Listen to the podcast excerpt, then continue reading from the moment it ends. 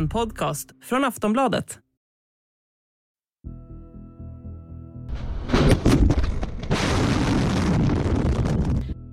Russia just test launched a nuclear capable intercontinental ballistic missile, and Vladimir Putin seized on the moment to deliver a very stark warning to the West.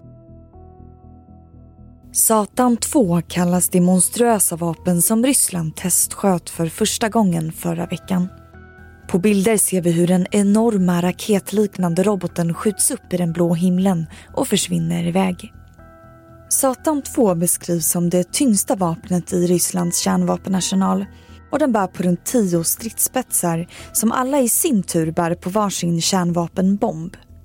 En sådan enskild bomb sägs kunna slå ut ett område större än hela Frankrike i en enda träff. Den här uppskjutningen var som sagt bara en testskjutning som Putin menade skulle få hans fiender att stanna upp och tänka till. Men Satan 2 är inte det enda vapnet som fått omvärlden att haja till på sistone. Alldeles nyligen väcktes det misstankar om att Ryssland eventuellt använt kemvapen i Mariupol där folk plötsligt fick svårt att andas och problem med motoriken. Så hur lyder reglerna kring vapen i krig? För regler finns det. Till exempel får man inte använda vapen som anses orsaka onödigt stor skada. Även dumdumkulor, alltså kulor som vecklas ut inuti kroppen, är förbjudna och likaså minor och klusterbomber. Men vem bedömer vad som är en onödigt stor skada? Vad händer om ett land bryter mot de regler som finns? Och vad är kemvapen för något egentligen? Ja, i dagens Aftonbladet Daily ska vi reda ut allt det här med krigets vapenlagar. Med oss har vi Aftonbladets egna reporter Niklas Wendt och jag heter Vilma Ljunggren. Hej Niklas, välkommen till Aftonbladet Daily. Tack så mycket. Tänkte börja med att fråga dig om Satan 2, den här roboten som Putin har testskjutit. Vad vet vi om den? Ja, det är en sån här interkontinental ballistisk robot kallas det och den är ju byggd för att kunna flyga över hela jorden och leverera ett antal kärnvapenstridsspetsar mot en amerikansk stad. Den är ju ett sånt eh, domedagsvapen i den meningen att den inte kan användas utanför en fullskalig kärnvapenkonflikt. Eh, så att den är ett, liksom ett terrorvapen och det här är ju en enorm robot på, på alla sätt. Eh, det florerar en del vad det verkar överdrivna uppgifter om dess kapacitet men man kan väl anta att den kan bära ungefär 10 individuella kärnvapenstridsspetsar med en sammanlagd sprängverkan på 10 megaton minst. Och det motsvarar då ungefär 20 amerikanska Minuteman-missiler, alltså den amerikanska motsvarigheten. Eller om man tänker 650 Hiroshima-bomber. Och det är ju i en enda raket då. Och det är möjligt att den är ännu kraftfullare än så. Det vet vi inte exakt. Det förekommer en del uppgifter att den kan ha en sprängverkan upp till 50 megaton. Och det skulle ju vara ja, flera tusen Hiroshima-bomber. Och i Hiroshima dog ju 70 000 människor i, av en enda bomb. Så det är ju ett eh, fruktansvärt vapen och det är nästan omöjligt att föreställa sig eh, den förödelse som den skulle kunna orsaka. Du var inne lite på det, man hör ju om den här otroliga kapaciteten som det här vapnet har, men många uppgifter kommer väl också från Ryssland själva. Kan man tänka sig att man överdriver det här vapnets kapacitet för att skrämma omvärlden? Ja, det ska man absolut tänka sig. Det är väldigt svårutvärderat också utifrån för oss att veta hur bra den är på olika saker. Putin har ju hävdat att den gör amerikanskt missilförsvar värdelöst, till exempel att den kan undgå alla motmedel och sådär. Och det vet vi egentligen inte men Eh, så det tar de säkert till för att skrämmas. Samtidigt ska man komma ihåg att det här, den här roboten är ju mer en uppgradering av en förmåga som Ryssland redan har. Det är inte så att de aldrig har haft den här förmågan förut utan de, den är bara mer destruktiv förmodligen. Så det man behöver vara om det är något man ska vara rädd för så är det inte liksom roboten i sig utan vad Ryssland kan tänkas vilja göra med den. Vilka intentioner de har att använda kärnvapen överhuvudtaget. Det spekuleras i motivet bakom den här testskjutningen, att det kanske var att rikta fokus från militära nederlag. Testskjutningen skedde ju strax efter att det ryska stridsfartyget Moskva hade sjunkit. Vad tänker du om det? Alltså, Som jag förstår det så har det varit planerat ganska länge att man skulle göra en sån här testskjutning under första kvartalet i år. Så det är nog inte så överraskande i den meningen. Uh, och jag tror, den här missilen har ju varit under utveckling ganska länge och det är nog inget man hastar fram av PR-skäl, en så här ganska avancerad uppskjutning. Men eh, det ska väl sägas att det var väl inte ovälkommet för Putin att han fick en möjlighet att prata om något annat än Moskva och alla liksom motgångar i kriget och sådär. Det, det tyckte de nog var mycket härligare att prata om den här roboten. Och som du sa, det finns ju kärnvapen på den här roboten. Om vi går in lite på kärnvapen, vad finns det egentligen för regler kring dem? I praktiken så, de är så oerhört destruktiva att det är svårt att tänka sig att man kan använda dem utan att bryta åtminstone mot några krigslagar. Men det finns egentligen inga bindande förbud eller sådär mot dem. Det är, många länder har ju röstat för en FN-konvention som förbjuder kärnvapen. Men det har inga av de länderna som faktiskt har kärnvapen gjort. Uh, och det är ju de, de medlemmarna i FNs säkerhetsråd till exempel. USA, Ryssland, Storbritannien, Frankrike och Kina har ju alla kärnvapen. Precis som Indien, Pakistan, Nordkorea och sannolikt Israel. Um, däremot så har man ju försökt minska spridningen av kärnvapen genom icke-spridningsavtal och nedrustningsavtal och sånt där. Men um, ja, så det finns ju färre kärnvapen idag än det fanns på under kalla kriget. Det finns ju också misstankar om att Ryssland ska ha använt kemvapen i Mariupol. Vad är egentligen kemvapen? Ja, det är vapen som innehåller kemiska ämnen som dödar eller skadar genom förgiftning. Då. det finns några olika typer. Um, nervgifter är en typ som påverkar nervsystemet och sarin är väl det mest kända. VX är ett annat. Om man har sett den här filmen The Rock med Nicolas Cage så är det VX som den här galna generalen hotar att bomba San Francisco med. Uh, så finns det också kemiska gifter som angriper huden och uh, kvävande gifter då, som gör att man inte kan andas. Um, Ryssland är ett av de länderna som har skrivit under konventionen som förbjuder kemiska vapen och man har också förstört de lager av kemiska vapen som man åtminstone sa att man hade fram till 2017.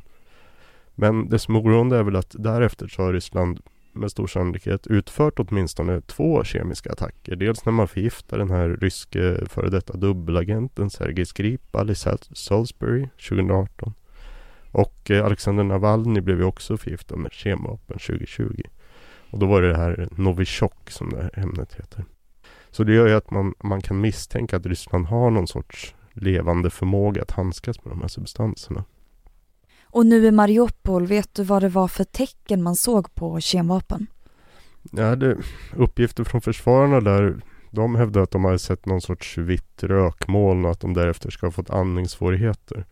Men jag har inte sett några mer uppgifter som kan liksom varken bekräfta eller dementera det där. Aftonbladet Daily är snart tillbaka.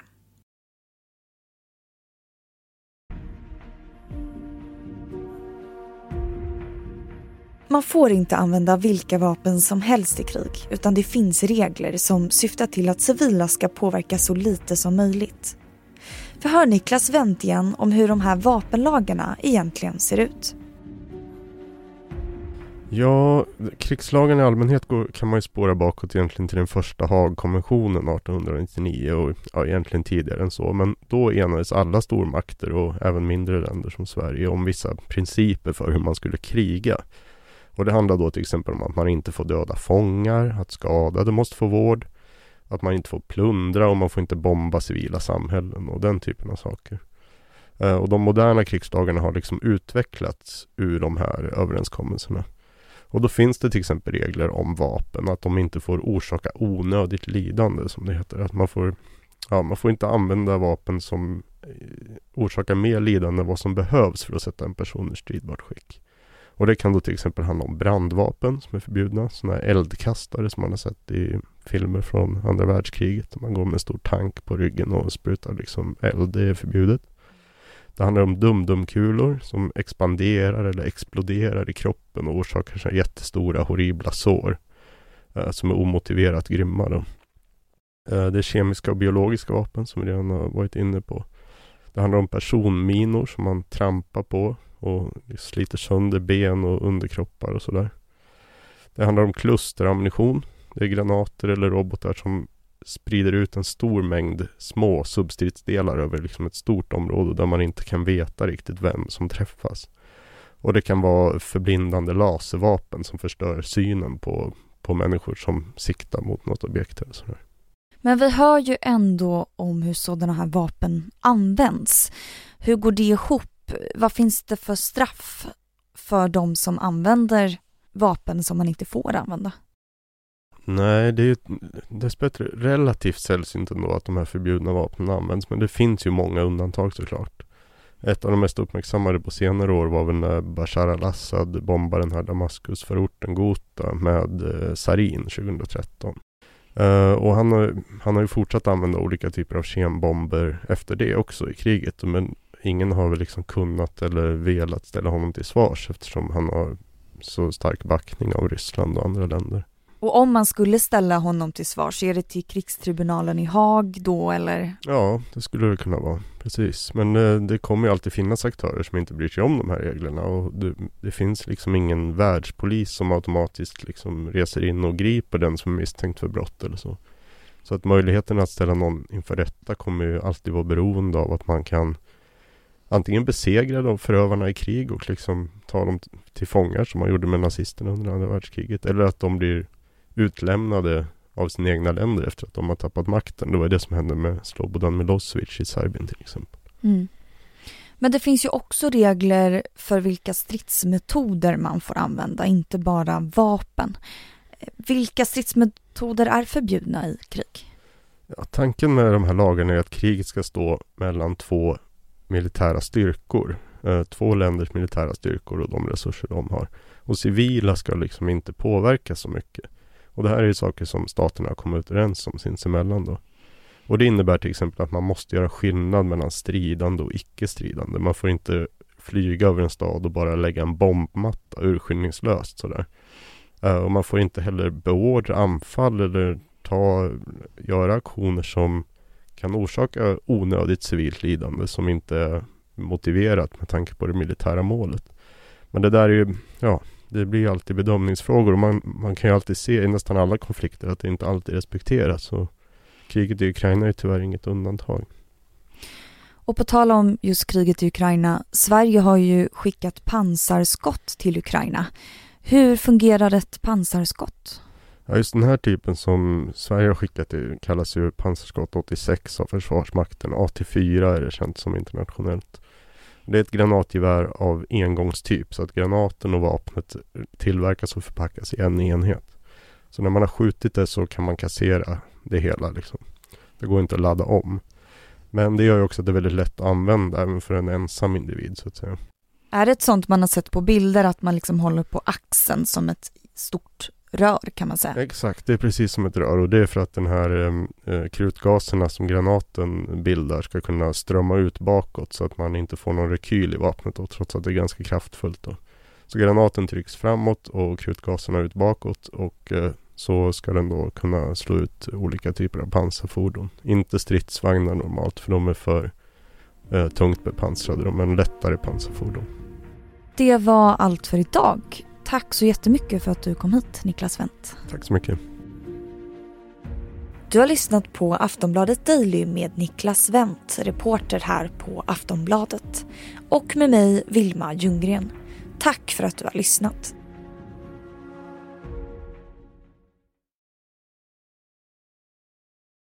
Du har lyssnat på en podcast från Aftonbladet.